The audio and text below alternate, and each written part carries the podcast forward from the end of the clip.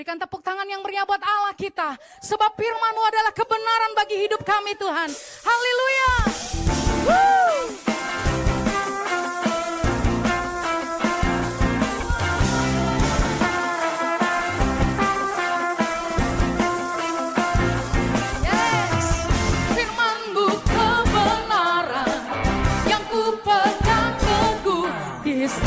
Waktu. Di waktu.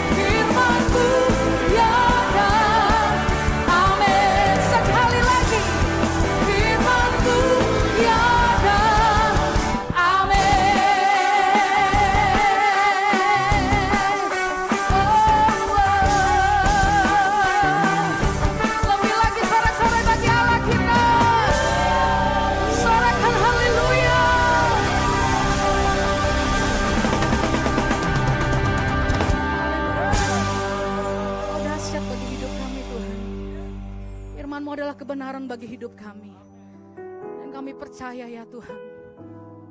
Kami percaya dengan iman kami. Terima kasih Tuhan Yesus. Kami boleh ada sebagaimana kami ada Tuhan. Semua karena kebaikan-Mu, kemurahan-Mu bagi hidup kami. Melewati badai. Kami bersama dengan Tuhan.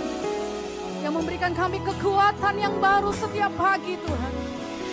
Besar setiamu Tuhan Yesus. Terima kasih Tuhan. Terima kasih Roh Kudus. Mari bersama-sama kita nyanyikan lagu ini. Hanya Engkau Juru selamatku Tuhan kau setia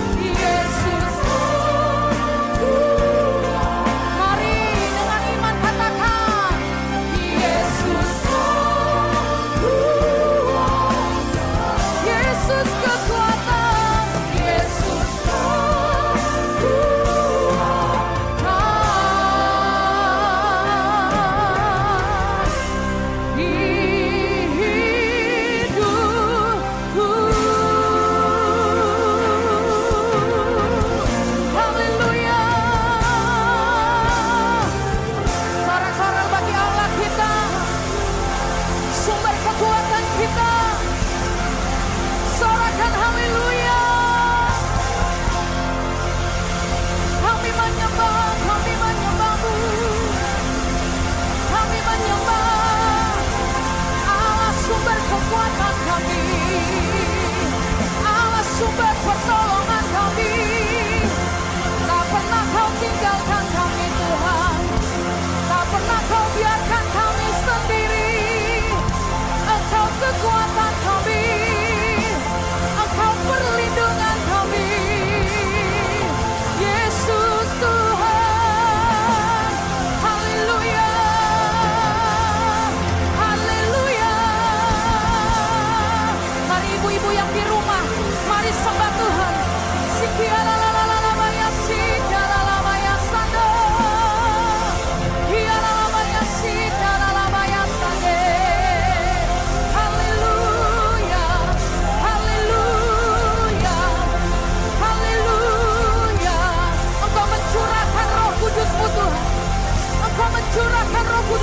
setiap kami Kamu wanita Di mana pun mereka berada Tuhan Kekuatan daripadamu menyertai mereka semua Tuhan Oh la la la la la bala bala bala bala bala bala bala bala bala bala bala Ya la la la la la la la la la la bala bala bala bala bala bala bala bala bala bala bala bala Sikia la la la la la la la la la la la la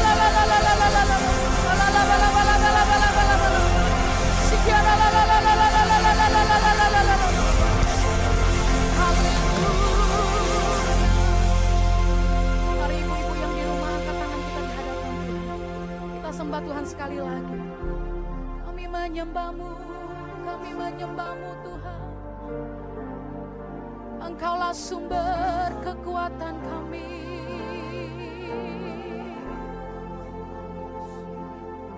Engkau Allah yang sungguh luar biasa Tuhan. Engkau menyertai setiap kami Tuhan. Walau lewati lembah, kami tak ditinggalkan.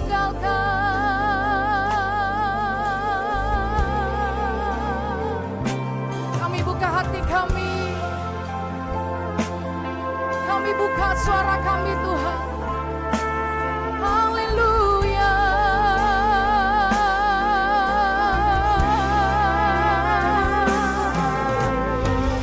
Roh Kudus, mari masuk dalam hati kami Tuhan. Biarlah kekuatan yang daripada surga menyertai ibu-ibu bahkan kaum wanita yang di mana pun mereka berada ya Tuhan. Biarlah lama yang sih,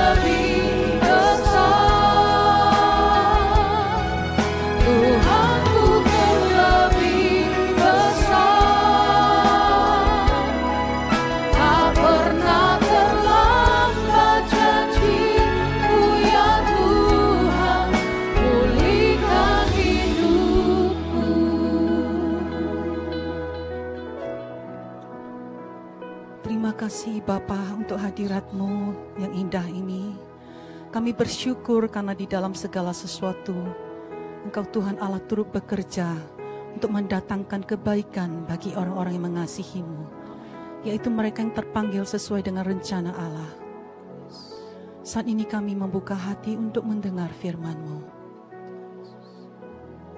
Berbicaralah dan urapi setiap kami ya Tuhan, berikan kami pengertian.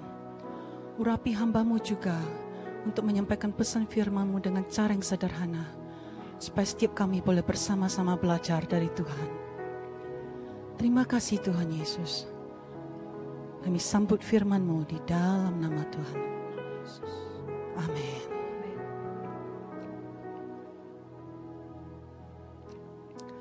Shalom ibu-ibu WBI terkasih dan kaum wanita yang sedang mengikuti ibadah streaming dari rumah. Bagaimana kabarnya? Apakah semua dalam keadaan baik dan sehat? Jika ada yang tidak dalam keadaan sehat, bersabarlah. Dan pesan firman Tuhan hari ini adalah bersukacita dalam pengharapan yang diambil dari Roma pasal 12 ayat 12. Mari kita baca bersama-sama ayat ini dengan suara kuat. Bersukacitalah dalam pengharapan, sabarlah dalam kesesakan, dan bertekunlah dalam doa. Mari kita ulang sekali lagi. Bersukacitalah dalam pengharapan, sabarlah dalam kesesakan, dan bertekunlah dalam doa. Pesan firman Tuhan ini disampaikan oleh Rasul Paulus kepada jemaat di Roma pada waktu mereka sedang mengalami aniaya dan penderitaan. Mungkin Anda bertanya, mengapa orang baik dan rajin beribadah harus menderita? Apakah Tuhan tidak peduli dan menolong. Merebaknya pandemi COVID-19 yang berdampak pada berbagai segi kehidupan, kesehatan, ekonomi, sosial, dan lainnya, menyebabkan dunia goncang dan berjuang untuk penyembuhan dan menghentikan penyebarannya. Tidak sedikit yang menderita atau harus berpisah dari orang tua ataupun anak-anak karena harus menjalani perawatan ataupun harus kehilangan orang-orang yang dikasihi. Bagaimana lepas dari penderitaan? Sekali lagi, apakah Tuhan tidak peduli dan tidak menolong? Sesungguhnya Tuhan sangat peduli dan selalu menolong tepat pada waktunya. Tidak ada satupun yang terlepas dari kontrol pengawasan yang ajaib dan penuh belas kasih Semuanya seizin Tuhan. Roma 8 ayat 28 berkata, kita tahu sekarang bahwa Allah turut bekerja dalam segala sesuatu untuk mendatangkan kebaikan bagi mereka yang mengasihi dia, yaitu mereka yang terpanggil sesuai dengan rencana Allah. Sesungguhnya selama kita masih hidup dalam tubuh yang fana di dunia ini, kita tidak terlepas dari berbagai-bagai macam penderitaan. Setelah melewati masa pertumbuhan, tubuh ini akan semakin melemah seiring dengan bertambahnya usia. Tetapi Roma 8 ayat 18 mengingatkan kita bahwa penderitaan sekarang tidak dapat dibandingkan dengan kemuliaan yang akan dinyatakan kepada tika, kepada kita. Selanjutnya ayat 19 sampai 22 berkata bahwa seluruh makhluk sangat rindu dan berharap akan pembebasan dari perbudakan kebinasaan dan masuk ke dalam kemuliaan anak-anak Allah. Kita yang telah menerima karunia roh juga menantikan pembebasan tubuh kita sebab kita diselamatkan dalam pengharapan.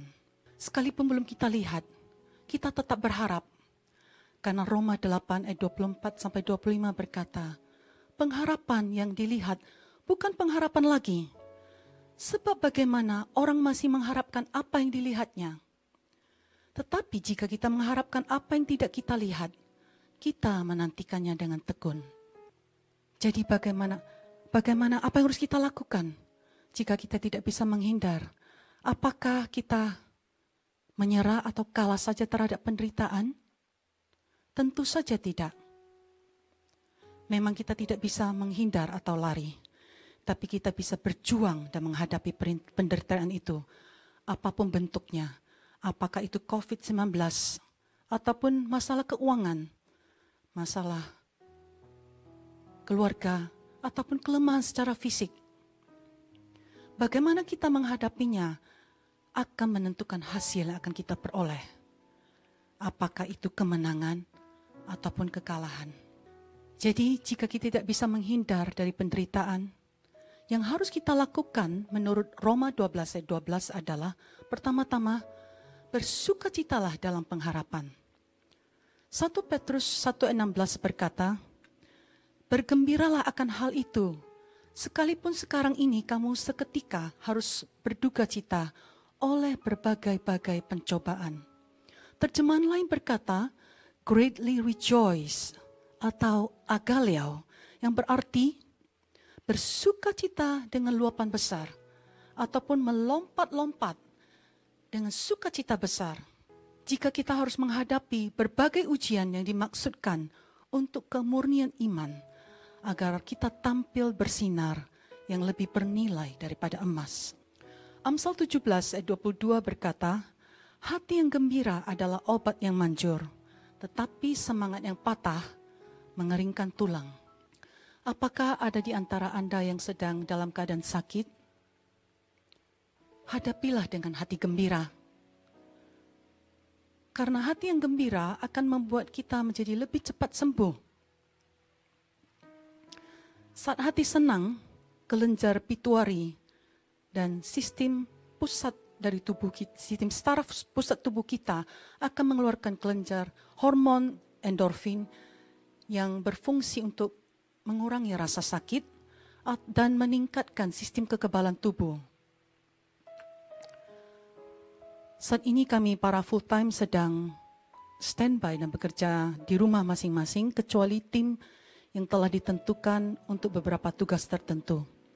Saat isolasi mandiri di rumah, saya mengalami keselio di pinggang bagian belakang. Memang masih bisa berdiri dan berjalan tanpa masalah, namun pergerakan menjadi tidak bebas, terasa ngilu kalau duduk terlalu lama, dan sakit kalau bergerak ke arah tertentu.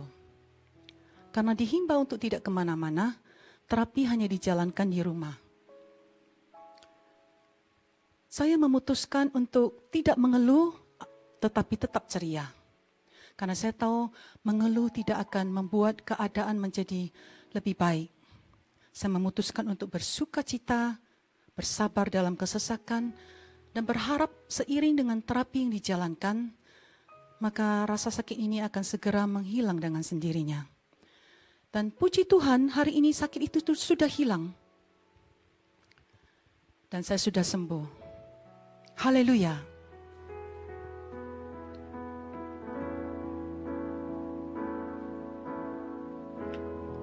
Penuhi hatiku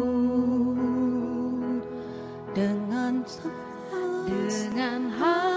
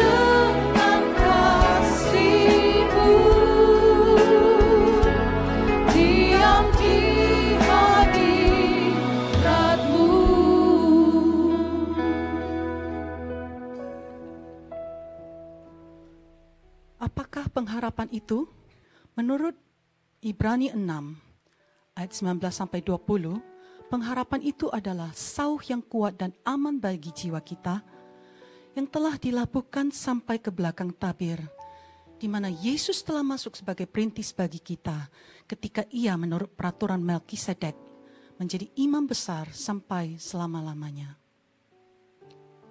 Saat kita menaruh pengharapan pada Tuhan, kita tidak akan pernah kecewa karena Roma pasal 55 berkata, dan pengharapan tidak mengecewakan karena kasih Allah telah dicurahkan di dalam hati kita oleh Roh Kudus yang telah dikaruniakan kepada kita. Tuhan telah memberikan kepada kita janji-janji yang baik sebagai pegangan pengharapan. Dan semua janji Tuhan di dalam Kristus adalah ya dan amin. Yang kedua, yang harus kita lakukan adalah bersabarlah dalam kesesakan. Apakah ada di antara Anda yang dalam keadaan sesak ataupun mengalami suatu pergumulan? Bersabarlah Mengapa kita perlu bersabar? Kadang-kadang kesembuhan perlu waktu untuk pulih, dan jika ada luka, perlu menunggu lukanya menjadi kering. Dan pergumulan perlu proses agar menjadi selesai. Yakobus 1 ayat 3 sampai 4 berkata, Ujian terhadap iman menghasilkan ketekunan, dan biarkanlah ketekunan itu memperoleh buah yang matang, supaya kita menjadi sempurna, utuh dan tak kekurangan suatu apa pun. Saya pernah melihat demonstrasi pembuatan bejana dari tanah liat. Setelah tanah liat itu diletakkan di atas roda penggiling, tangan penjunan mulai membentuknya sesuai dengan yang diinginkan. Apakah itu vas bunga, ataupun kendi, ataupun sebuah periuk, dan sebagainya. Kemudian dia mengambil satu alat yang tajam dan mulai mengikis bejana itu mengikis semua tanah liat yang berlebihan supaya bejana itu tampak mulus dan dapat dipakai. Setelah pembentukan selesai, bejana yang masih lembek ini dimasukkan ke dalam perapian. Berapa lama? Setelah penjunan dapat mendengar suara api bernyanyi di dalam perapian, kertek, kertek, kertek, kertek, itu tandanya bejana sudah siap diangkat. Ketika bejana dikeluarkan, bejana itu sudah terbentuk dan menjadi keras, tetapi belum dihiasi. Kemudian bejana itu dicat dan dilukis, dan sekali lagi dimasukkan ke dalam perapian, sampai terdengar suara api bernyanyi, dan bejana yang siap diangkat, dikeluarkan, dan menjadi bejana-bejana indah, kilat bersinar, dan siap dipakai. Kita perlu bersabar agar proses pembentukan kita oleh Tuhan Sang Penjunan dapat menjadi selesai dan kita bisa menjadi matang, seutuh, sempurna dan tak kekurang suatu apa pun. Saat di rumah, banyaklah bernyanyi dan memuji Tuhan. Karena proses itu akan lebih cepat selesai kalau kita belajar bernyanyi dan bersyukur di tengah kesesakan. Ibu-ibu dapat melakukannya bernyanyi memuji Tuhan sambil memasak ataupun menyuci dan membersihkan rumah. Penuhi rumah kita dengan nyanyian pujian dan ucapan syukur. Jangan biarkan sungut-sungut ataupun keluhan keluar dari hati dan mulut kita. Tetapi biarlah kita menjadi dorongan semangat bagi anak-anak, suami ataupun orang-orang yang ada di rumah.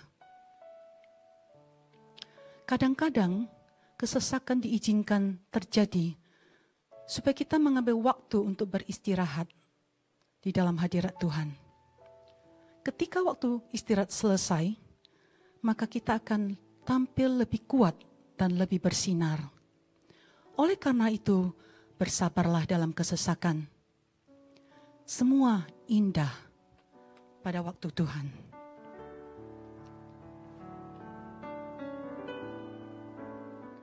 Waktu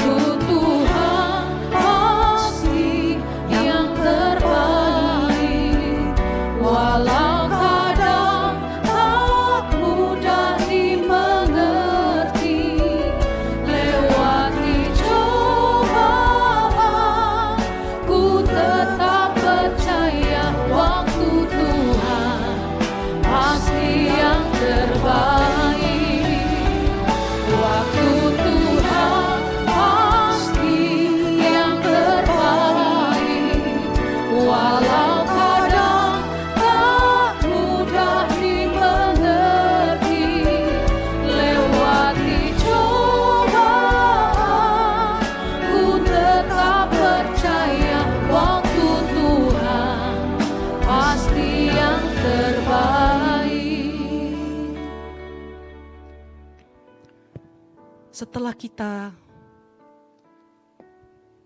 bersuka cita, bersabar, dan berharap, selanjutnya kita perlu bertekun di dalam doa.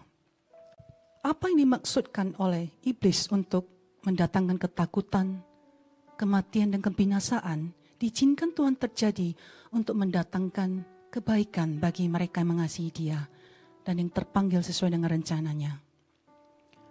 Selama tinggal di rumah, beberapa negara lockdown, anak-anak Tuhan dan para hamba Tuhan terpanggil untuk berdoa bersama-sama dan berdoa secara berantai.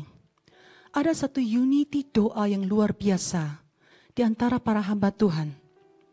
Jaringan-jaringan doa baik yang nasional maupun yang internasional di seluruh dunia bersatu di dalam doa.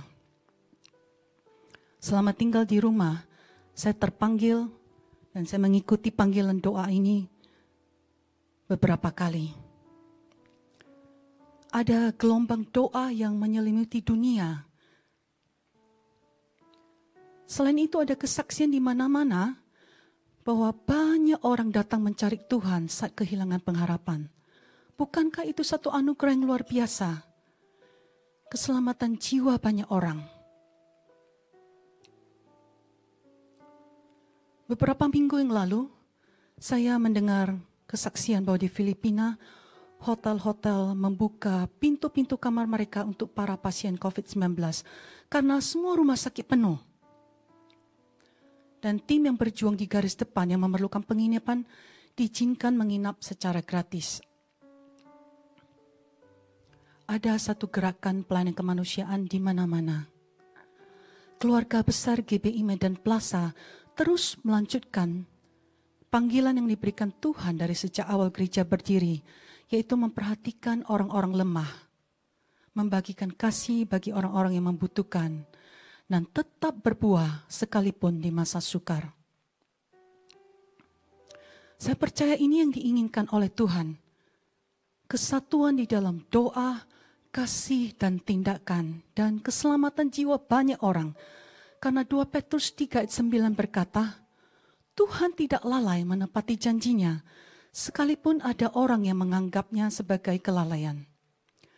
Tetapi ia sabar terhadap kamu, karena ia menghendaki supaya jangan ada yang binasa, melainkan supaya semua orang berbalik dan bertobat.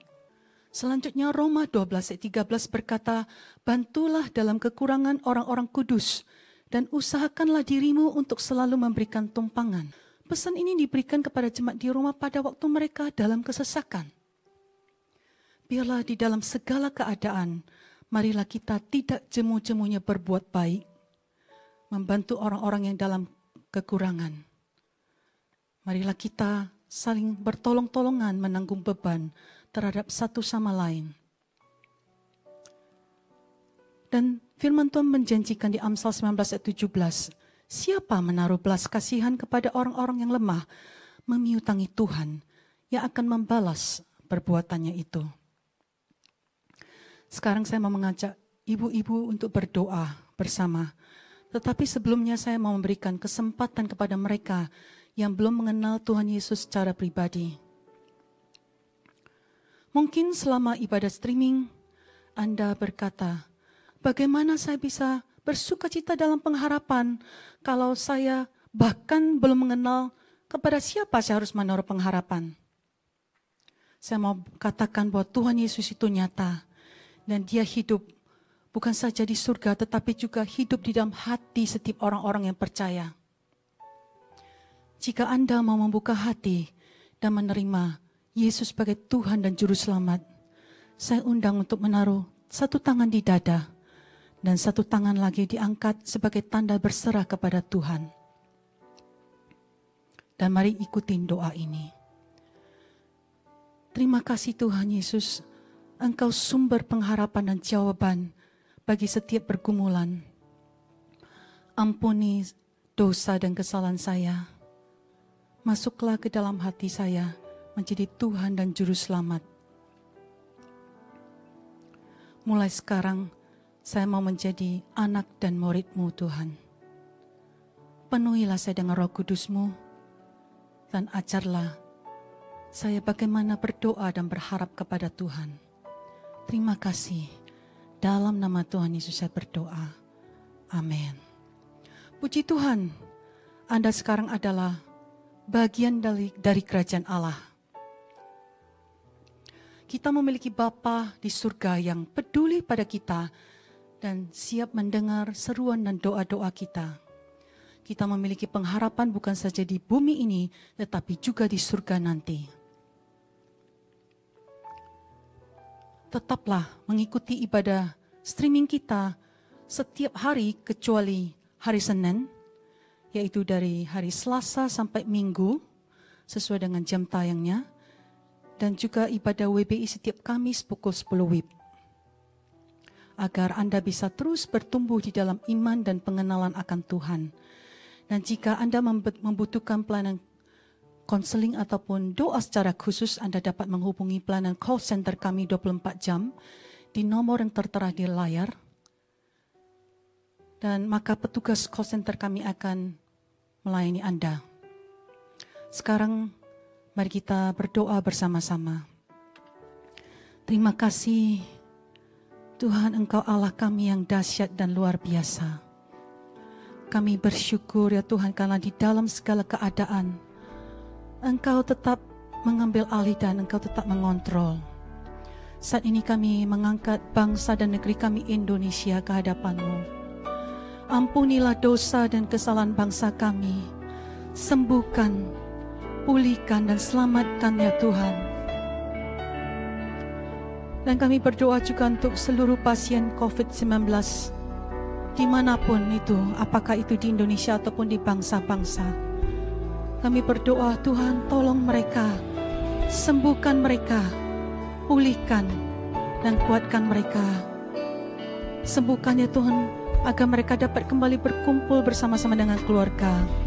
Nah untuk keluarga ini tinggalkan yang hendak berpisah juga Tuhan hibur dan kuatkan dan lindungi. Kami berdoa juga untuk seluruh tim dokter dan tim medis yang bergerak berjuang di garis depan. Kuatkan mereka, berikan daya tahan tubuh yang kuat, berikan perlindungan, dan keluarga mereka juga Tuhan jaga. Dan kami juga berdoa ya Tuhan, untuk pemimpin-pemimpin bangsa kami, mulai dari Bapak Presiden, seluruh menteri kabinet, dan seluruh pejabat tinggi, sampai kepada pemerintah daerah. Tuhan berikan perlindungan, kekuatan, hikmat, dan kesatuan hati untuk mengambil tindakan yang tepat agar penyebaran virus ini segera berhenti dan agar bangsa dan negeri kami ini boleh segera pulih. Kami berdoa agar badai ini segera berlalu ya Tuhan.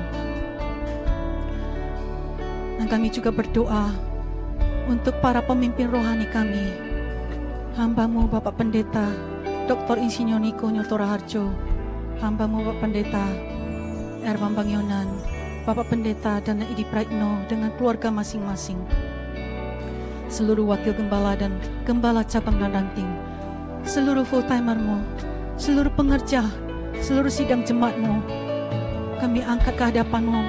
Kiranya Tuhan berkenan memberikan kesehatan, perlindungan. Dan kepada para pemimpin rohani kami, Tuhan berikan kekuatan dan hikmat.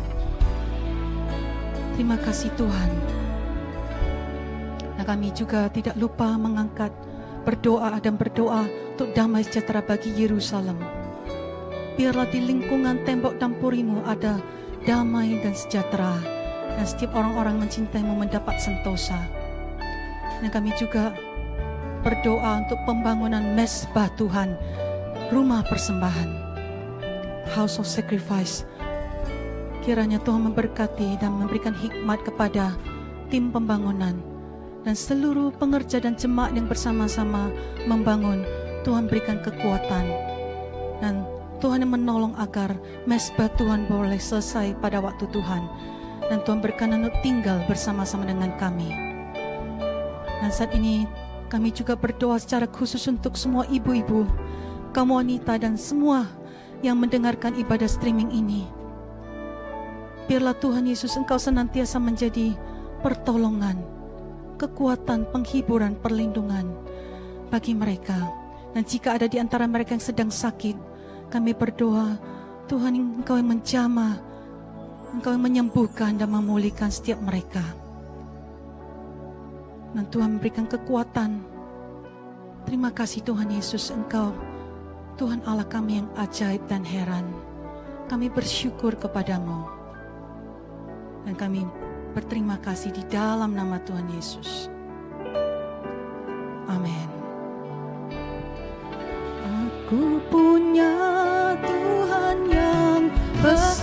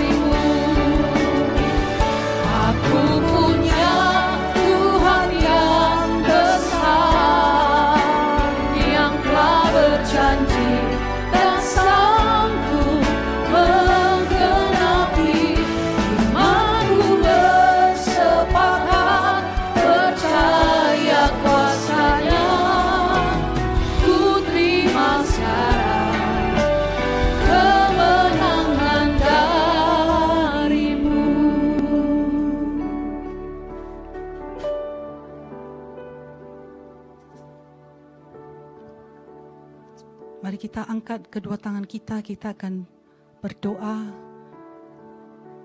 Tuhan, kiranya damai sejahteramu yang daripada Allah Bapa turun dan juga kasih sempurna di dalam Tuhan Yesus Kristus persekutuan yang manis bersama dengan Roh Kudus menyertai kita hari ini sampai selama-lamanya. Mari kita yang percaya bersama-sama berkata, 아멘.